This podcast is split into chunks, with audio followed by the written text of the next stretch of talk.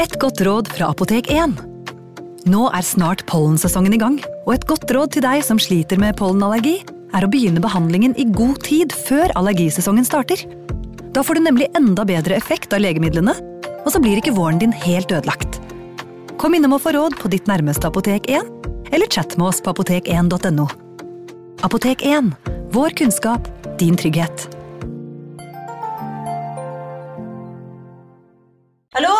Jeg kommer fra Oslo politikammer. Ine Jansen er purk. Er du purk? The motherfucking bitch. Alt jeg vil, er å finne ut hva som skjedde med mannen min. Jon Carew. Er jeg sikta for noe? Iben Akeli. Det er du. Ole So, Lars Berrum og Big Daddy Karsten. Hvem sin side er du på, egentlig? Anette Hoff, Tone Danielsen, Kommer du fra Afrika? Jørnis Josef, Nesten. Kløfta. Trond Espen Seim, Det er synd å si det, men det var feil mann som døde. Purk. Premiere tirsdag på TV2 Play. Advarsel. I denne podkasten vil du høre historier basert på informasjon programlederne har funnet selv. Programlederne står ikke nødvendigvis inne for meninger og syn som fremstilles. Noen påstander kan avvike fra virkeligheten.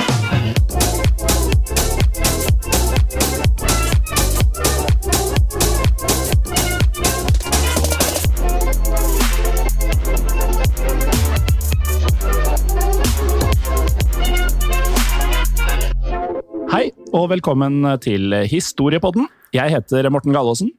Og jeg er eh, igjen Jim Fosheim. Og nå, Jim, nå klarte vi å si velkommen til Historiepodden uten å poengtere at dette er vanlige Historiepodden, ikke Historiepodden andre verdenskrig. Men det kom nå. Ja, dæven. Uh, gjorde vi glemte oss, gitt. Ja. Men det betyr jo i så fall for eh, dere som ikke har fått det med dere ennå, at eh, det fins en annen Historiepodden også. Ja. Som da heter Historiepodden andre verdenskrig. Eller hvordan er det man søker etter den, hjem? Jo, nå kan jeg fortelle deg, for jeg prøvde nettopp dette her om dagen, bare for å se hvordan det dukker opp. Og det jeg fant ut, er at det er masse som heter Historiepodden på alle podkast-appene, som har én eller to episoder. Så de dere ønsker eh, å ha tak i, er da Historiepodden med disse eh, flotte, liksom brunaktige coverne våre. Det er eh, historiebåten vår. Historiebåten annen verdenskrig skrives jo da WW2, som vi nå har vært innom flere ganger, ikke er den ultimate eller den perfekte måten å skrive historie på den andre verdenskrig på, men det var kort og godt, og vi har egentlig ikke et bedre alternativ. Ei har vi fått noe bedre forslag heller, men vi ønsker gjerne gode forslag, altså. Ja, Dersom eh, dette kan gjøres på en bedre måte, så kan dere jo stille de forslagene enten til Historiepodden Norge på eh, Facebook eller Instagram, Ja. eller enda bedre hjem, i en gruppe. Historie for alle, som igjen eh, Den tar alltid Jeg føler den tar to steg forover og ett tilbake, bare, altså. Men eh, noen ganger så kommer det jo noen da som Det virker som at når de skal legge ut i gruppe, så tror de at de sender oss en DM. Og det Ja. er jo litt gøy på en måte. Samtidig, jeg bare godkjenner det. altså så bare blir det en post på wallen der. Men eh, tenk at eh, når dere sender inn disse meldingene, så er det sånn at eh, alle Det er et par tusen andre som kan Ja. se det. Ja. Og skriv det gjerne på en måte sånn at alle kan være med og kommentere på innleggene, hvis dere vil det. Ok, men eh, til verket, Jim. Altså, selv om dette ikke er historie på den andre verdenskrig, så skal vi til et land uh, som vi ofte uh, er innom også i den podkasten. Vi skal nemlig Ja. til Frankrike. Uh, men vi skal vesentlig lenger tilbake i tid, da, for vi skal møte en kvinne som feires i Frankrike den andre søndagen i mai hvert eneste år. Og hun er spesielt kjent for sin innsats under den såkalte hundreårskrigen Ja. mellom England og Frankrike, og for å ha blitt erklært en helgen, til tross for at hun ikke engang rakk å bli 20 år gammel. Ja. Så um, da skjønner jo alle, for de av dere som da ikke leser tittelen på episodene, så skjønner jo alle historieinteresserte at vi prater om Jeanne d'Arc. Eh, som da er å anse som en fransk nasjonalhelt som ofte går under tittelen La Pousselle de Orlan. Som Jeg syns det er imponerende at du nesten sa det bedre enn du sa Jeanne d'Arc. Sa jeg det feil? Jeanne d'Arc? Ja, nå var det bedre. Ja. Ja. Hvordan sier du det andre, da? Uh, La Pucelle de Orléans. Nei, det ble ikke riktig, det. Uh, La Pucelle d'Orléans. La Pucelle de Orléans. Orléans. Og det betyr da jomfruen fra Orléans. Ikke sant? Og hun fikk æren da for å ha stått for et vendepunkt etter at Frankrike hadde blitt utsatt for nederlag gang på gang mot engelskmennene.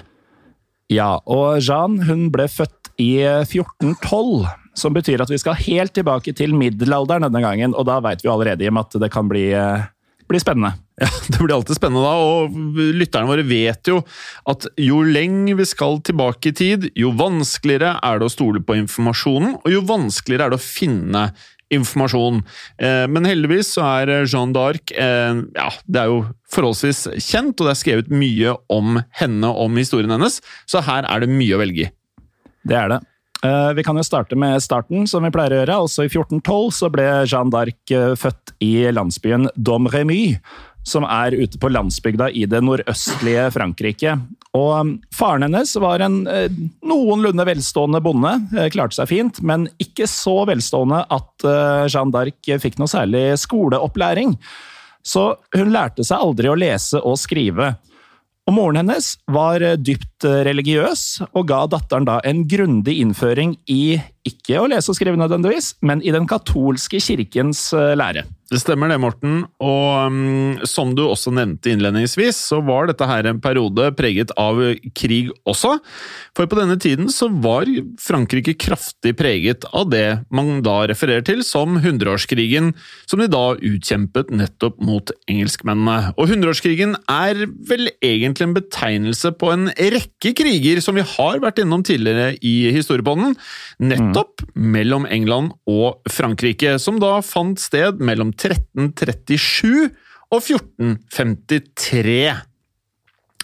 Og disse krigene de handlet i stor grad om, som ikke er spesielt overraskende eller nyttig i storbånden, om maktkonflikter, og i dette tilfellet da mellom kongene i England og Frankrike. Og på denne tiden her så var kongene De hadde power, de, Morten.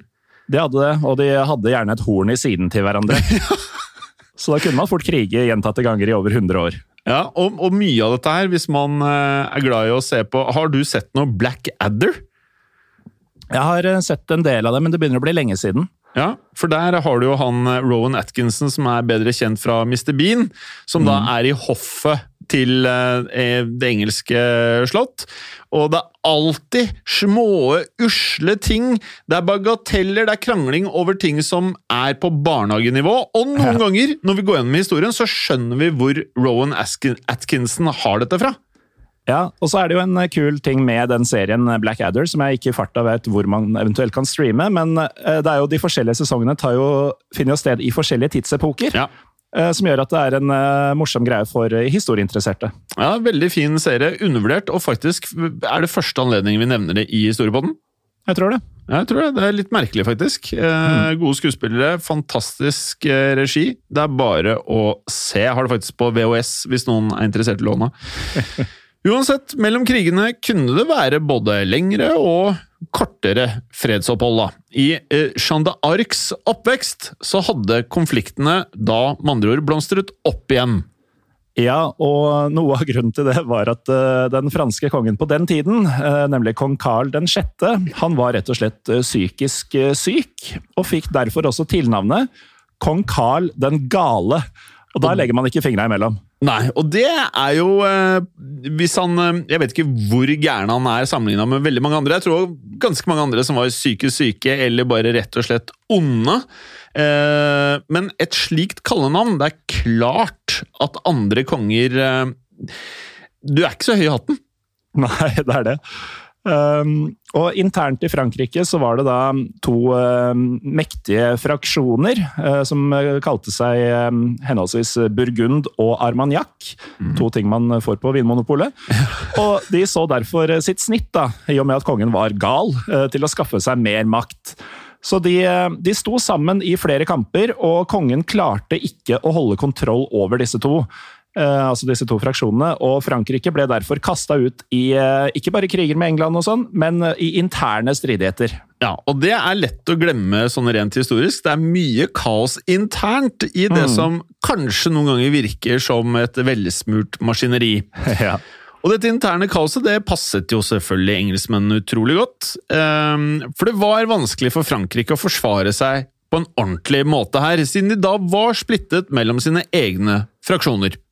Og disse interne kampene de skal angivelig ha begynt å slite ut mennene, og derfor så begynte da engelskmennene med en ny offensiv sånn timingmessig helt perfekt mot Frankrike, der deres mål var å erobre den franske tronen.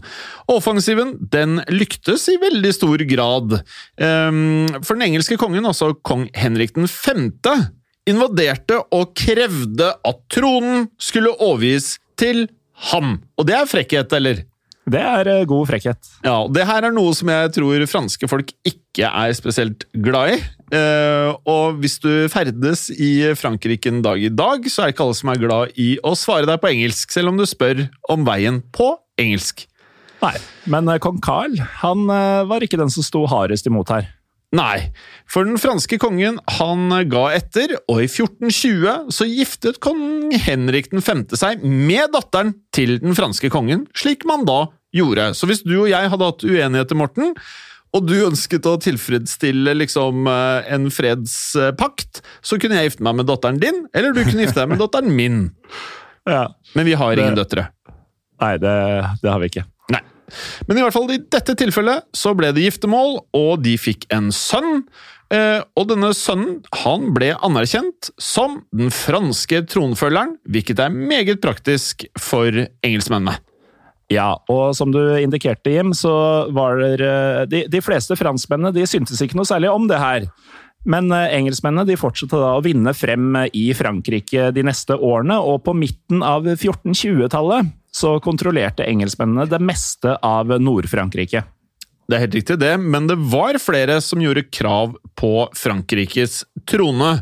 For den franske kongen hadde nemlig en sønn, og dette her ser man i historien. Det dukker opp folk både her og der når det er snakk om makt og penger. Det gjør det. Ja, Karl den 7. Han mente at han var kongens rettmessige arving. Men både den engelske kong Henrik 5. og den franske kong Karl 6. døde samtidig i 1422. Og som vi kan tenke oss til, så ble det jo da litt uenigheter her. Og det ble jo da en strid om hvorvidt det var Henrik 5.s sønn eller den franske Karl 7. som burde og skulle overta tronen.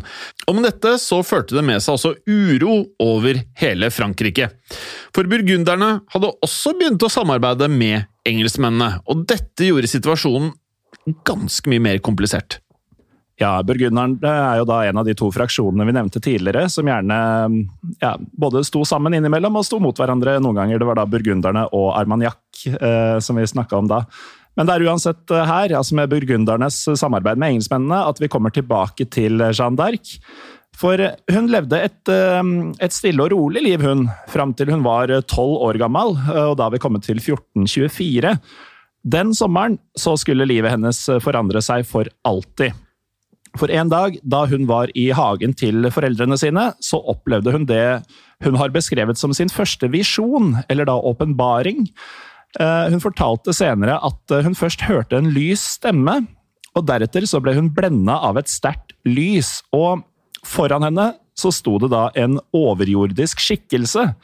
Eh, Og Jeanne d'Arc, da, som hadde gått i denne opplæringen hos sin katolske mor, hun forsto at dette måtte være erkeengelen Mikael som sto foran henne, og Mikael er en svært viktig engel i kristendommen.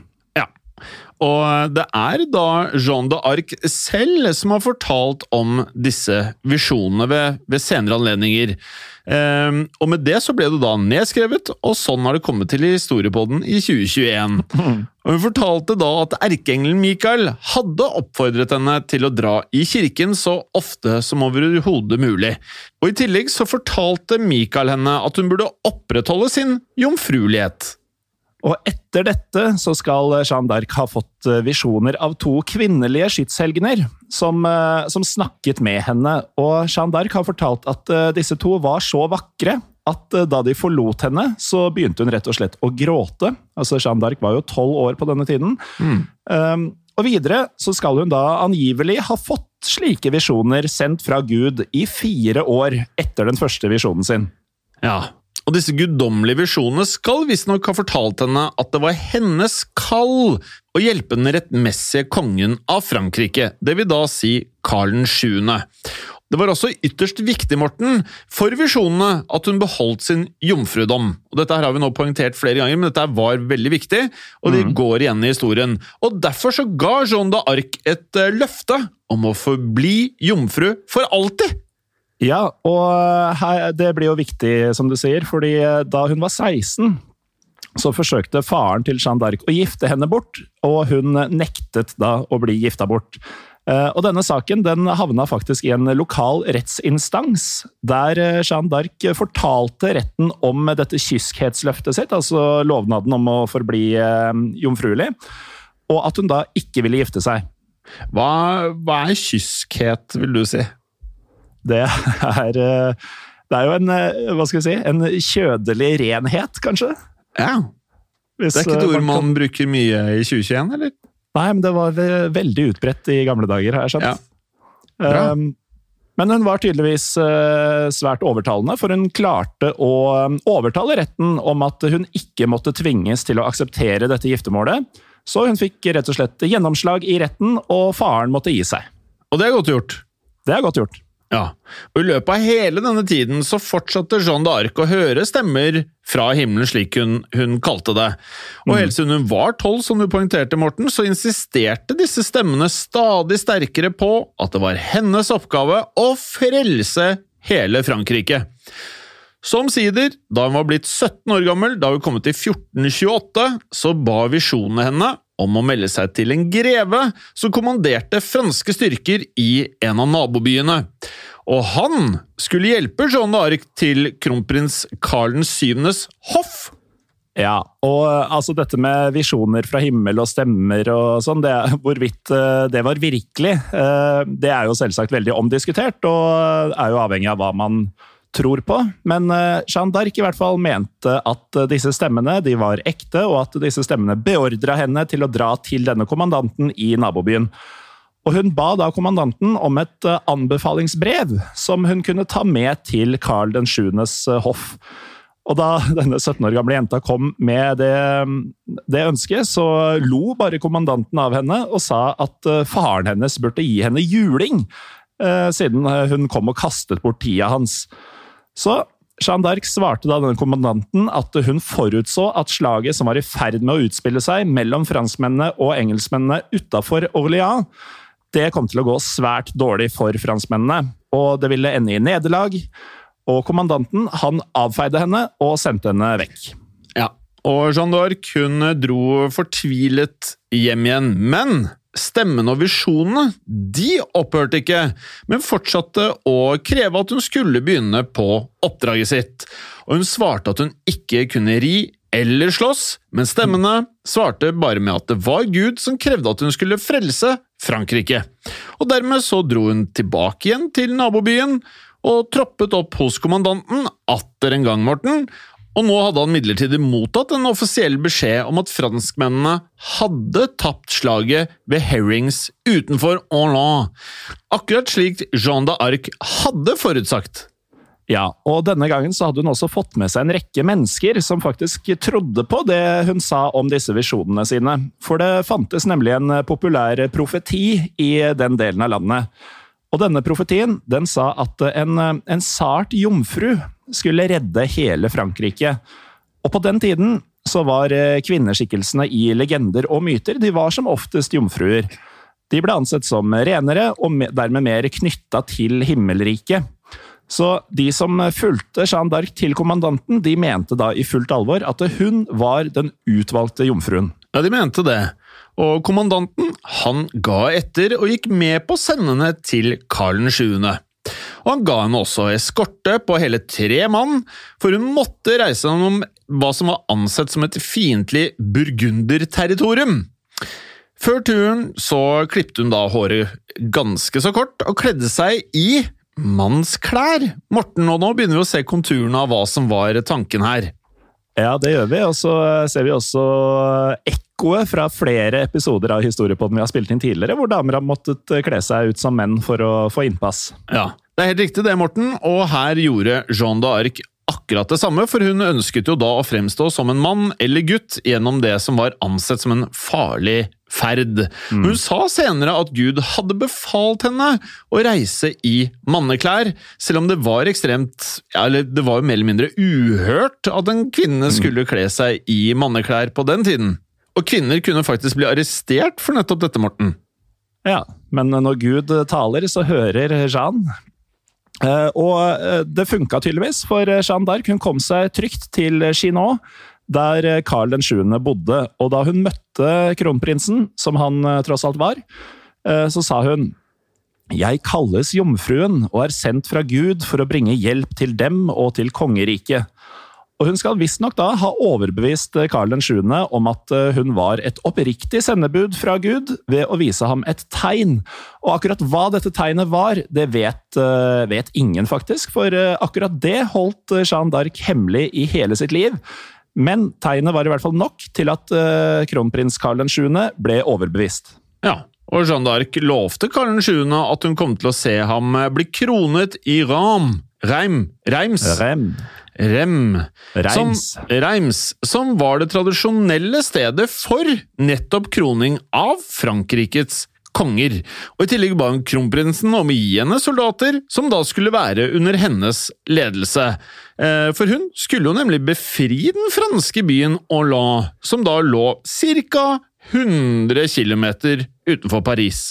Ja, og Her eh, begynner man jo å se litt sånn absurditeter i dette. her, altså Hvor overbevist hun var om dette med, med at det var Gud som kommanderte og, og, styrte dette. her. For hun hadde jo mm. sagt tidligere 'jeg kan ikke ri, jeg kan ikke slåss'.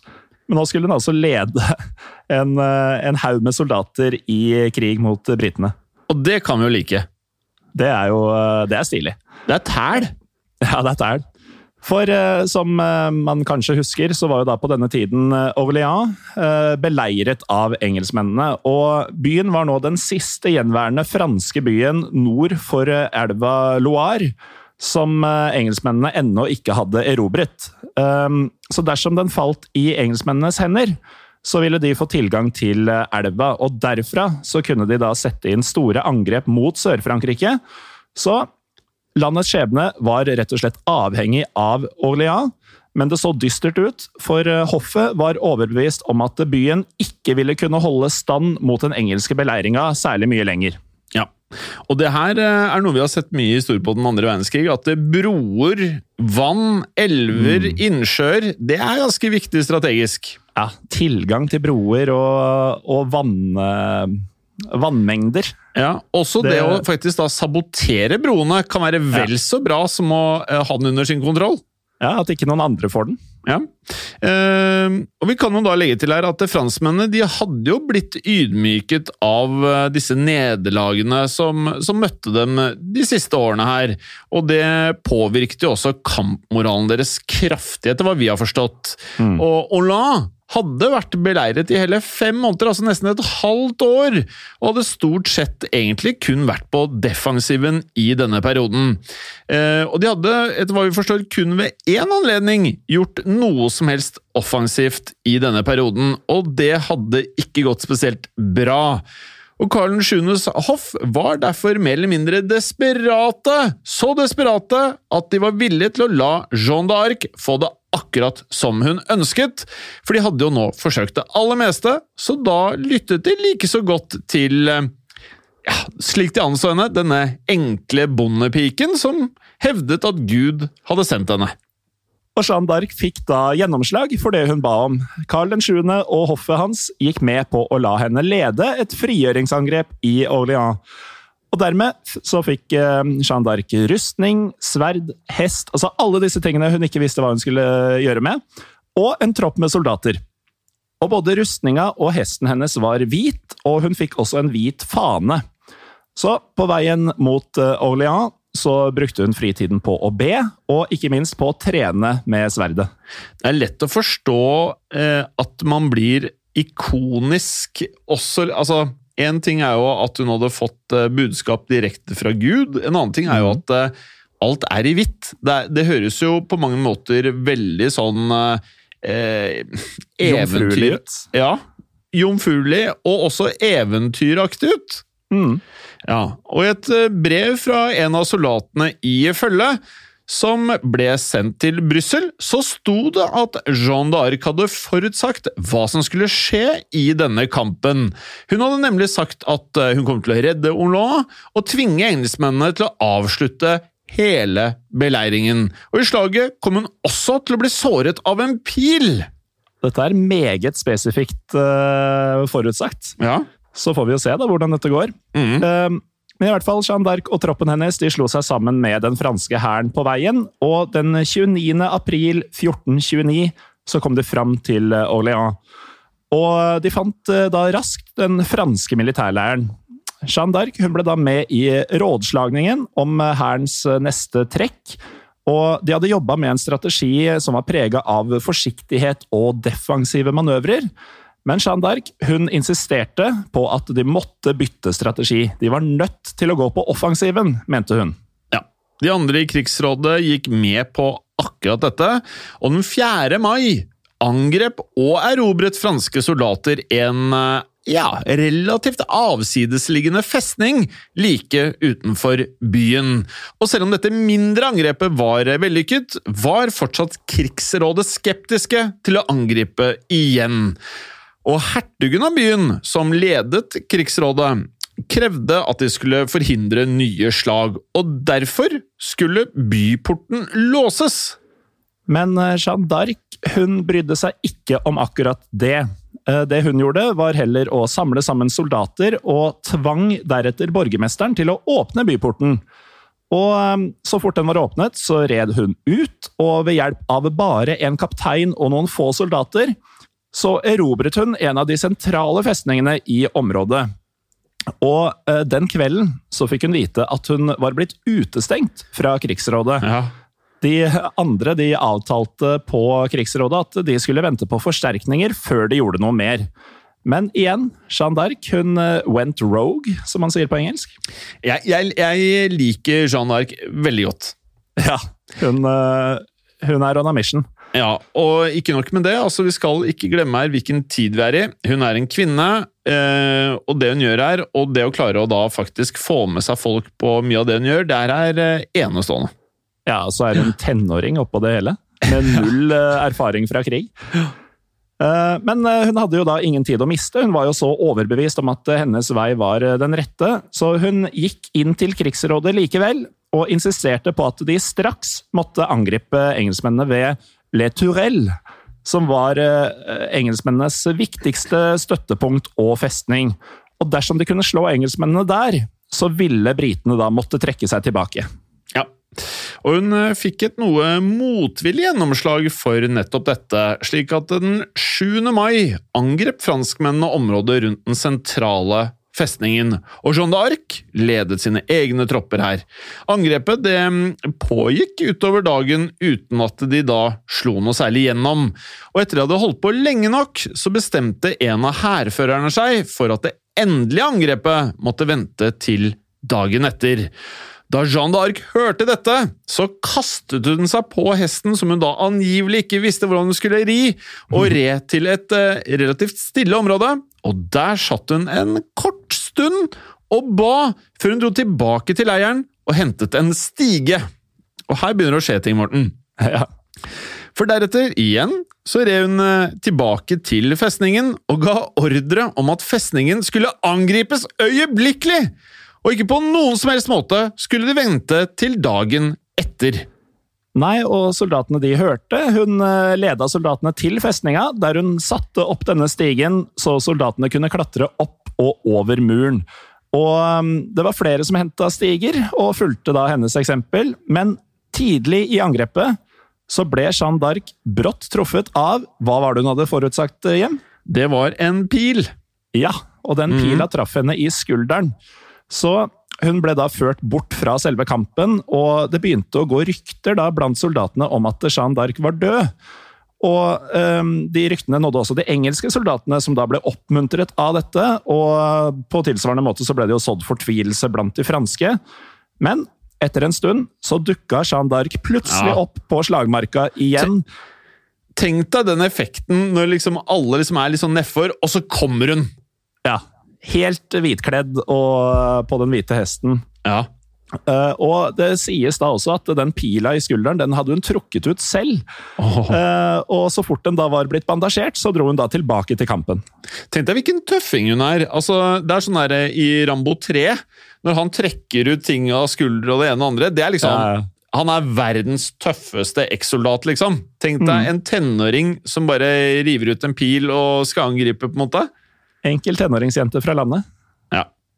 Men uansett, dette nærværet hennes ga, som vi nå var innom, de franske soldatene det de trengte av krefter og motivasjon. Og utover kvelden, Morten, så tvang Jean d'Arc og soldatene engelskmennene ut mot utkanten av Le Tourelle. Og broen over denne vollgraven, den ga etter. Og som du nevner, Morten, dette her med vollgraver, det er, det er akkurat som å se en film. Eh, og når man da skal eh, angripe, så må man jo over denne broen. Eh, gjelder å ikke falle samtidig som man da skal angripe. Det er jo krig. Eh, og etter hva vi forstår, så var det mange franske soldater som da rett og slett falt i vannet i denne vollgraven, og også druknet. Men eh, de franske styrkene og Jeanne d'Arc de ga seg ikke, for de stormet eh, det som var de siste eh, restene av festningen der det var engelskmenn. Og når kvelden kom, så var festningen og området mer eller mindre i franske hender. Og etter hva vi forstår, så led engelskmennene enorme tap. Det gjorde de. Men Jim, mer om eh, hvor viktig denne festninga var, og ikke minst hva som skjer videre i historien om Jeanne d'Arc, det kommer vi tilbake til etter en liten pause. Velkommen tilbake til denne utrolig spennende historien om Jeanne d'Arc. Yes. Ja. Det siste vi hørte før pausen, var at eh, franskmennene ledet av Jeanne d'Arc hadde tatt kontrollen over eh, en svært viktig festning i byen Orlan, Morten. Ja, og Grunnen til at denne festninga var så viktig, var fordi den var et nøkkelpunkt for forsyninger som kom via vi var inne på det før pausen elva. Og siden festninga ble tatt av franskmennene, så hadde Orléans fra da av en evig tilgang på forsyninger. Og det var da rett og slett ikke noen vits lenger for engelskmennene i å beleire byen, så de hevet beleiringa. Det stemmer det. Eh, engelskmennene de pakket rett og slett eh, sammen, de. Og morgenen etter så sto de oppstilt ved elvebredden. Og den franske hæren de stilte seg opp midt imot. Så de to hærene sto da mer eller mindre og stirret på hverandre. Og etter hva vi forstår, så sto de og stirret på hverandre en hel time. Altså Det tror jeg er ganske 60 trykka stemning. ganske trykket stemning, og hadde vi vært der, jeg hadde vært livredd! Livredd! Um, og det hele endte da Og det hele endte da med at engelskmennene de rett og slett snudde seg og begynte å marsjere av gårde for å slutte seg til en annen engelsk hær i en annen region. Og noen da franske kommandanter de insisterte på at de burde angripe engelskmennene der og da. Selvfølgelig strategisk, det, i stedet for at de skulle slippe unna. Jeanne d'Arc midlertidig skal ha forbudt dette eh, eh, totalt, fordi det da var en søndag, og dette var en hellig hviledag. Ja, og det, vi har vært inne på flere ganger eh, allerede i episoden at eh, det religiøse var jo svært viktig for henne. Ehm, så dermed så lot de da engelskmennene dra, dra av gårde, ettersom det var en søndag, dette her. Og slaget ved Orléans, det hadde jo gått akkurat sånn som Jeanne d'Arc hadde forutsagt. Franskmennene hadde fått engelskmennene til å heve beleiringa. Orléans hadde blitt befridd, og hun selv hadde blitt såra av en pil. Så hvorvidt folk tvilte tidligere på om hun virkelig var sendt av Gud, så ble jo da stadig flere helt overbevist. Ja, og vi kan jo bare se for oss eh, hvor eh, hva skal jeg si, hvor hyllet hun ble av alle rundt seg. Eh, og ikke minst så ble hun hyllet av eh, soldatene sine, og rykter om henne det ble jo selvfølgelig spredt over hele riket. At slaget ved Hollande var franskmennenes første seier på mange år, betød jo selvfølgelig veldig mye her. Og Vi nevnte jo tidligere at krigsmoralen til franskmennene den hadde vært på bunn. Nå blomstret den opp igjen, og Krigsrådet foreslo flere offensiver. Og Jeanne d'Arc hun dro tilbake til Karl 7. og overtalte ham til å gi henne kommando over en av hærene hans, sammen med en av hennes beste venner, som da var hertug Jean 2. av Alençon. Alençon. Alezan.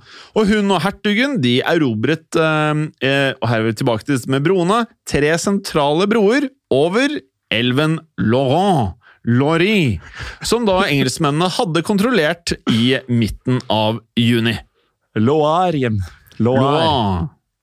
Eh, ja, midten av juni, det er korrekt. For eh, den 18. juni så kom det en engelsk redningsstyrke til disse broene. Og Jeanne d'Arcs hær de eh, venta på dem og knuste denne styrken i slaget som fulgte. Så franskmennene de mista svært få, mens nesten alle de engelske kommandantene ble drept eller tatt til fange. Så Jeanne d'Arcs rykte som denne jomfruen som skulle redde Frankrike, det spredte seg enda mer enn det allerede hadde gjort. Ja, Men hun er jo faktisk jomfruen som redder Frankrike her, da. Ja, hun er jo det. Ja, og eh, Jeanne d'Arc hun dro igjen tilbake til Carl den 7. og fortalte ham at eh, hun ønsket å fortsette den eh, franske offensiven ved å erobre byen Reims. Bra. Ja. Og når, den, og når den var i franske hender igjen, så skulle Karl 7. krones til konge nettopp i Raum. Ja. Hun hadde blitt fortalt av de himmelske visjonene sine at det var nettopp dette som skulle skje. Men de franske lederne var skeptiske, og det var de fordi Reim lå langt inne i fiendens områder. Men til slutt så gikk de likevel med på dette her, og den 29. juni så startet denne gjenerobringsferden. Ja, og på veien mot Rem så marsjerte det gjennom flere andre landsbyer som ble kontrollert av burgunderne. Og burgunderne, som vi kanskje husker, det var da den franske fraksjonen som hadde samarbeida med engelskmennene. Og de fleste landsbyene de overga seg til den franske hæren uten å gjøre motstand. Så Jeanne d'Arc og hæren rydda veien til Rem, som også gikk over til deres side uten å mukke. Altså Disse burgunderne som hadde samarbeidet med engelskmennene, de skifta rett og slett side og ble med Jeanne d'Arc og franskmennene i retning Rem. Så da Jeanne d'Arc ba Karl 7. om å skynde seg og bli kronet med en eneste gang, og den eh, 17. juli 1429 så ble han kronet til Frankrikes nye konge, kong Karl 7. Ja, det stemmer det. Og under kroningen så sto Jeanne d'Arc ved hans side, eh, mens hun holdt det hvite banneret sitt, som vi da var innom tidligere her. Og dette var hennes store seier, og også hennes uh, høydepunkt så langt i livet.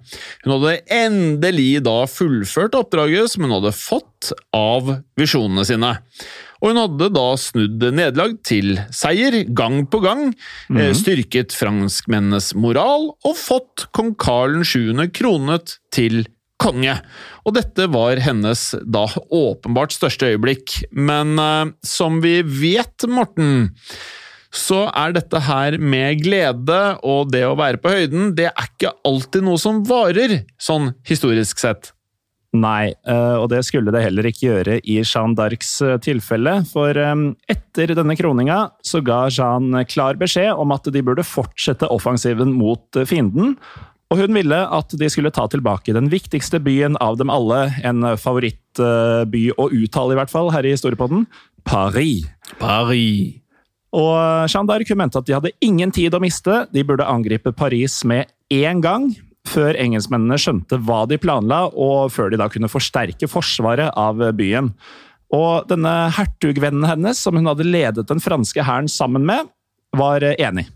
Ja, og som vi har lagt merke til, jo mm, mer og mer ambisiøs Jeanne d'Arc er, jo mer eh, later det til at eh, Karl 7. nøler. Eh, og denne gangen selvfølgelig også nølte kong Karl 7. Eh, for en av hans favoritter ved hoffet hadde nemlig advart han om at Jeanne d'Arc var i ferd med å bli for mektig. Og dette er også noe som går igjen i historien. Ja. Eh, man er alltid redd for at noen skal få mer tid i søkelyset.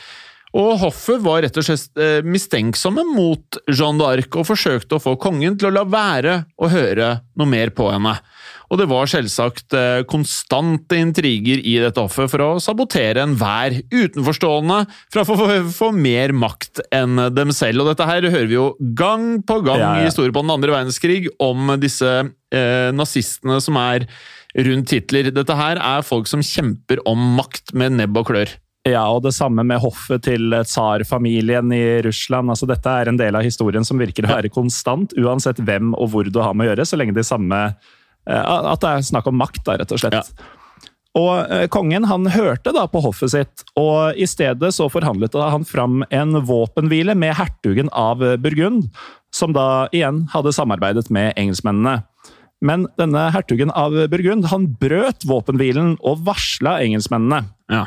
Så dermed så gjorde engelskmennene akkurat det Jeanne d'Arc hadde advart mot at de kom til å gjøre, nemlig å ruste opp forsvaret av Paris.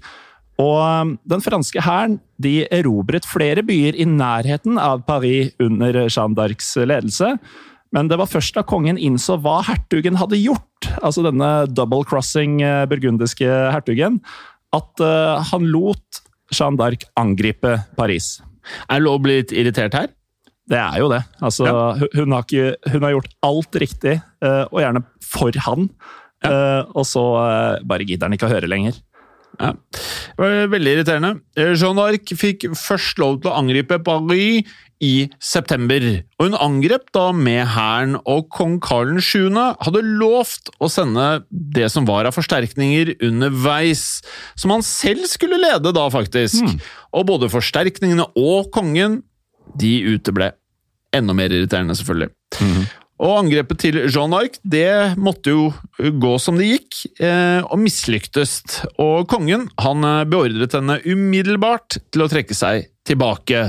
På grunn av hennes eh, da feilslåtte angrep, så vokste jo da denne i gåsetegn misnøyen og mistenksomheten som, som hoffet hadde mot henne. Og de mente jo nå selvfølgelig at Jeanne d'Arc ikke var til å stole på. Ja, og selv om hun eh, i oktober erobra en annen by, så mista kongen rett og slett eh, lysten og interessen av å støtte henne lenger. Eh, Han eh, adla riktignok både faren og broren hennes, men eh, Jeanne d'Arc selv hun fikk ikke lenger noe særlig eh, støtte fra kongen. Ja, og det som føles eh, ekstra feil her, er jo da at eh, så fort han ble konge, føles det ut som, da, så var resten ikke like viktig. Nei, da hadde hun utspilt sin rolle, liksom. Han hadde fått det som han ville. Men uh, til tross for denne uh, mangelen på interesse og støtte fra kongen, så var det sånn at eh, hun tilbrakte vinteren i hoffet, der de fleste da, som du sier, behandlet henne med mistenksomhet. Men Jeanne d'Arc hun ga seg ikke. Nei. For selv om denne vinteren var ganske rolig, så var det sånn at utpå våren 1430 så brøt det igjen ut konflikter og kamper. Og Jeanne d'Arc hun samla sammen soldater og dro da på egen hånd med denne hæren sin til byen Compiègne, oh. som ble beleiret av burgunderne. Der eh, vent, At du klarte den der, det, det er jeg litt imponert over, Morten. Nei, Innimellom så sitter noe av videregående-fransken fortsatt. Det kommer ja, og Det er imponerende. Og Jeanne d'Arc eh, ønsket å frigjøre byen og oppheve beleiringen, slik hun da også hadde gjort i Orlan. Så den 23. mai så snek hun seg inn i byen med soldatene om morgenen, og utpå kvelden så forsøkte de da å bryte seg ut av beleiringen. Men de klarte rett og slett ikke å slå igjennom burgundernes styrker, og hæren hennes da til slutt måtte trekke seg tilbake og inn i byen.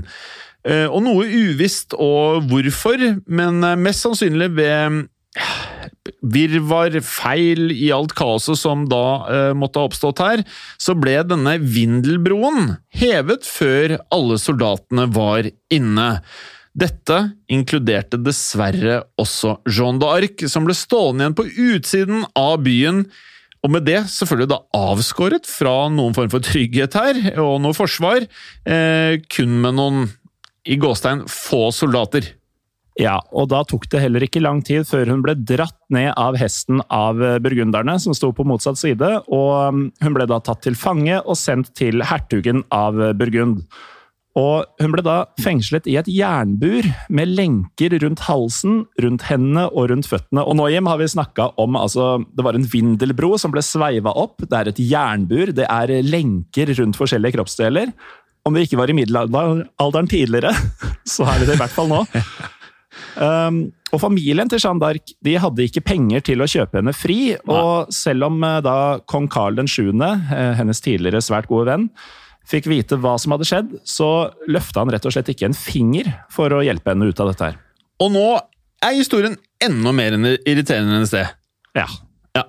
Og det endte da med at hertugen eh, solgte Jeanne d'Arc til engelskmennene. Så dette her er liksom toppen av eh, Altså, vi har sett gjennom historien, det er mye forræderske folk. Og det er Mhm. mye folk som eh, er eh, tilsynelatende din venn, helt til det begynner å brenne litt. Ja. Ehm, så Jean d'Arc ble da solgt til engelskmennene. Da vi kommet til 21. november, og angivelig så ble hun solgt for en relativt liten sum. ja. Og Ja. Man skulle jo tro hun var verdt en del. Ja, man skulle jo tro det. Eh, og engelskmennene de var fast bestemte på at eh, Jeanne d'Arcs militære suksess kom av at hun var en heks, hadde Ja. de funnet ut. Ja, For det er jo alternativet til at hun er eh, styrt av Gud. Det er jo at hun er en heks. Ja, men vi tror kanskje hun ikke er en heks. Eller men, styrt av Gud. Det vet jeg ikke. Men uansett så var det den eneste måten hun kunne ha overtalt kongen til å gjøre henne til hærfører på. Så for at noen som helst skulle ha hørt på henne, så var det da heksekunst da angivelig, ifølge engelskmennene.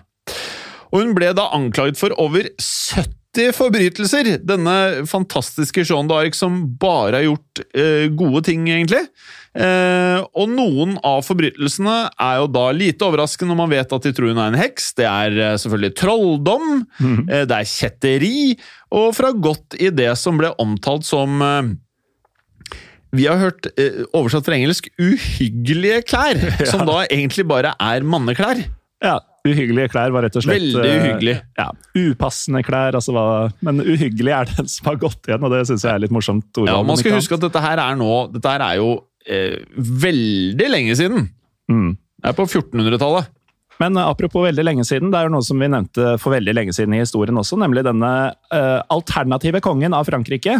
Eh, for det var jo da kong Karl 7. og eh, dette barnet som hadde en fransk og en engelsk forelder, som fortsatt er i spill her. Og disse siktelsene mot eh, Jeanne d'Arc de var da svært politisk motiverte. Fordi eh, det var jo sånn at både burgunderne og engelskmennene de ville ha den lille sønnen til Henrik 5. på tronen. Og ved å ødelegge statusen til hun som hadde fått kong Karl 7. krona, så håpet de da på å undergrave Karls legitimitet som konge.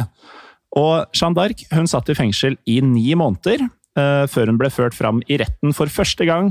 og Da har vi kommet til den 9. januar 1431. Jeanne d'Arc var dessverre mye i retten, Morten. For eh, etter hva vi forstår, så var hun eh, hele 15 besøk i retten. Og hun ble grundig avhørt, eh, og hun ble også utspurt om visjonene sine, om manneklærne. Dette er på en eller annen måte så ekstremt viktig at hun gikk i manneklær i denne historien. Eh, Og også hennes forhold til kirken. Og Forklaringene ble nøye skrevet ned, og det er derfor man da i ettertid, nå når vi sitter her, at vi har mye informasjon om Jeanne d'Arc. eh, Og også beskrivelser som da Jeanne d'Arc kom med av visjonen hennes. Ja, rett og slett hennes egne ord. Ja, faktisk. Og avhørene var eh, ikke bare grundige, de var også aggressive, som man kan eh, se for seg. Eh, og anklageren hennes forsøkte å få henne til å tilstå at stemmene hun hørte, ikke var fra Gud, og at hun var en kjetter. Ja, og den 1. mars i et av disse avhørene så skal Jeanne d'Arc ha forutsagt eh, følgende. Innen syv års tid vil engelskmennene måtte betale en høyere pris enn Orléans. Og dette er eh, veldig interessant, fordi engelskmennene faktisk mista Paris til franskmennene. Tror du det skjedde innen sju år hjem? Ja. Ja, det var nemlig seks år etterpå. Så atter en gang da, så har eh, Jeanne d'Arc forutsagt framtiden eh, i disse stridene mellom engelskmennene og franskmennene. Ja. Og katolikker regner også dette som et eksempel på at eh, hennes guddommelige visjoner eh, fortalte henne nettopp det, hva som ville skje i framtida. Det er en fantastisk historie, dette her. Eh, vi kan legge til her at Jean d'Arc fikk aldri noen forsvarer, og ble derfor nødt til å forsvare seg selv i retten, som sjelden er bra for den som skal forsvare seg. Mhm. Jeanne d'Arc insisterte på at stemmen hun hørte, kom fra Gud, selv om retten da gjentatte ganger forsøkte å få henne til å innrømme at det hele bare var bedrageri. Over slutten av rettssaken så fikk dommerne et eh, sammendrag av avhørene, men sammendraget var svært partisk, og opplysningene som fremkom var håndplukket for å stille Jeanne d'Arc i så dårlig lys som overhodet mulig. Og dermed så erklærte dommerne at Jeanne d'Arcs visjoner definitivt var å anse som kjetterske. Ja, og en kjetter var omtrent det verste du kunne være i middelalderen. Eh, Så Jeanne d'Arc ble ført fram for en folkemengde den 23. mai 1431, der hun fikk et valg. Enten så skulle hun brennes på bålet som en kjetter, eller så kunne hun underskrive et dokument der hun formelt trakk tilbake påstanden om at visjonene hennes kom fra Gud. Og det endte faktisk med at hun underskrev dette dokumentet. Men eh, siden hun var, og det var vi også inne på innledningsvis, at hun var en uutdannet analfabet, altså at hun ikke kunne lese og skrive, så er det usikkert om hun egentlig forsto hva hun signerte på, eh, og hva dette betydde. Men uansett så ble hun da kastet tilbake i fengsel i stedet for å bli brent. Ja, jeg tenkte jeg bare skulle ta dette her, Vi har jo prata mye om kjetter, så jeg tenkte vi kunne eh, bare ta en liten sånn på hva definisjonen her er. Jeg har vært på eh, norske leksikon, og her er det som står der. Ordet blir brukt om en person som bevisst hyller og søker å utbre en lære som avviker fra den offisielle kirkens særlige på viktige punkter, og som standhaftig holder fast på sitt avvik, dvs. Si vranglærer. Og vi vet er- jo fra andre historier at uh, omtrent den mektigst, mektigste instansen i samfunnet i eh, Europa på denne tida, det var jo rett og slett kirken. Så kirkens offisielle mm, ja, versjon av ting, det, det var det ikke lurt å tale imot. Men det at hun hadde skrevet under og også har blitt kastet i fengsel igjen, det var rett og slett ikke godt nok for engelskmennene og for burgunderne, for de ville ha henne henrettet. Og sjansen bød seg da biskopen besøkte henne i fengselet. Og Jeanne d'Arc hun eh, gikk i dette besøket i disse manneklærne, som igjen, som vi har vært innom, dette her er en viktig del av historien, tydeligvis, eh, for dette ble jo ansett som kjettersk. I tillegg så erklærte hun at hun eh, trakk tilbake tilståelsen sin. Så stemmene og visjonen hennes var Guds verk, sa Jeanne d'Arc.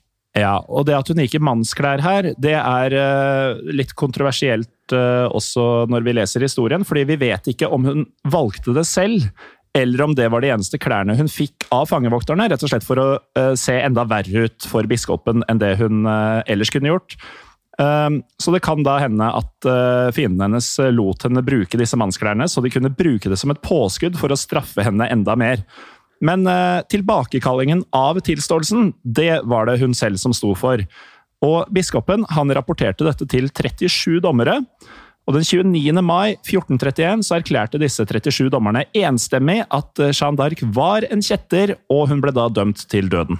Tenk deg enstemmig! Mm. Enstemmig! Ja, men du hører på biskopen. Ja. Eh, dagen etter så ble Jeanne d'Arc ført ut på et torg i Rouen. Rouen. Bra. Bra. Og hun ble deretter bundet til en påle på toppen av en haug med vedkubber. Og nå aner vi konturen av hva som skal skje.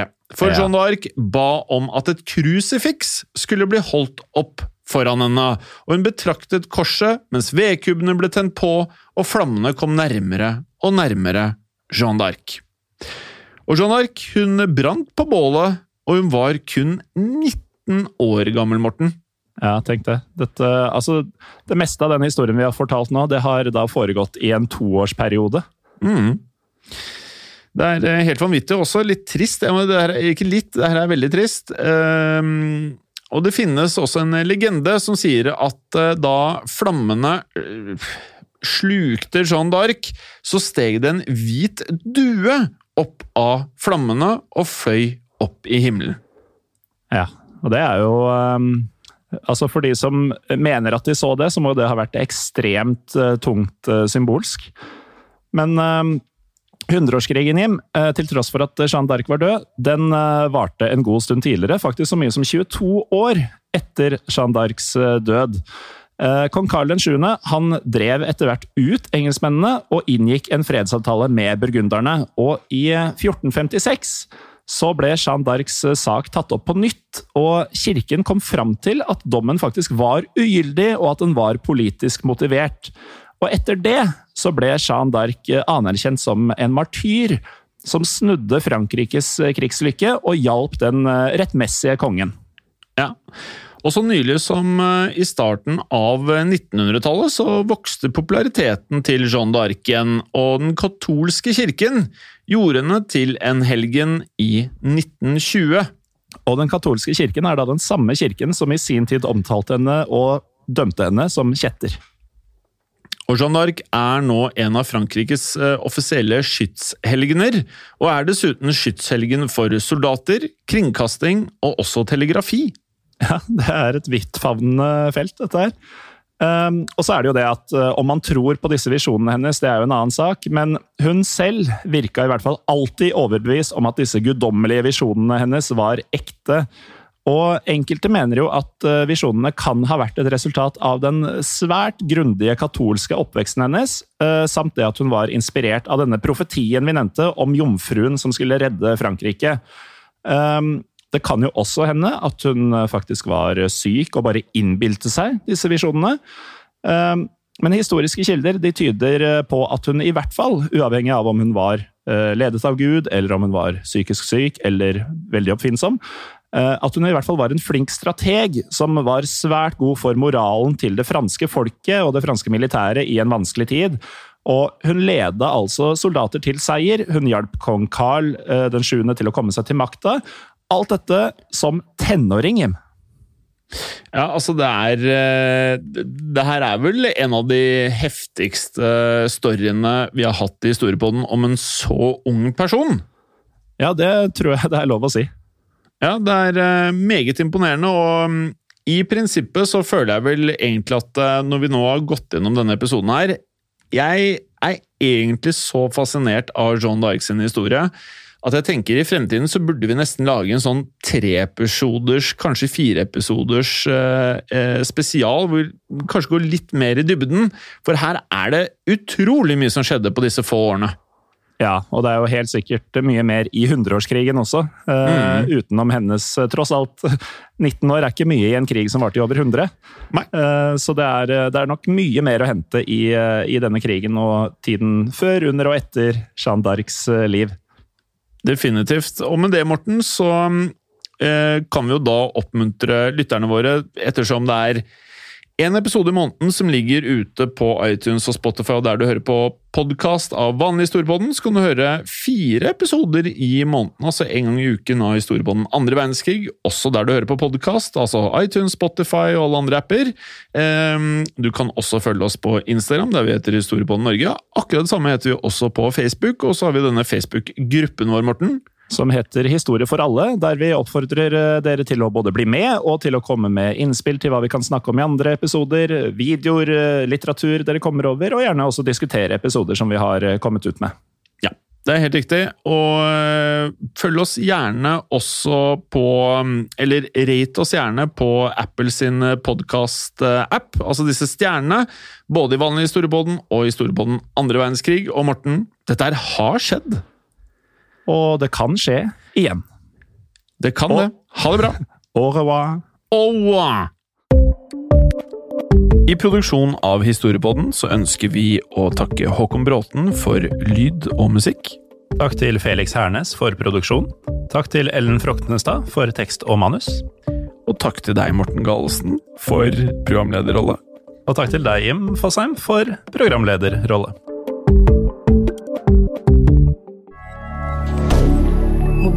Media. Har du et enkeltpersonforetak eller en liten bedrift? Da er du sikkert lei av å høre meg snakke om hvor enkelt det er med kvitteringer og bilag i fiken, så vi eh, gir oss her, vi. Fordi vi liker enkelt. Fiken superenkelt regnskap. Hei, og takk for at du lytter til Historiepodden. Skulle du ønske at du kunne høre en ny episode av Historiepodden hver eneste uke? Vel, da er det én ting å gjøre. Da kan du laste ned podkastappen Untold med det samme.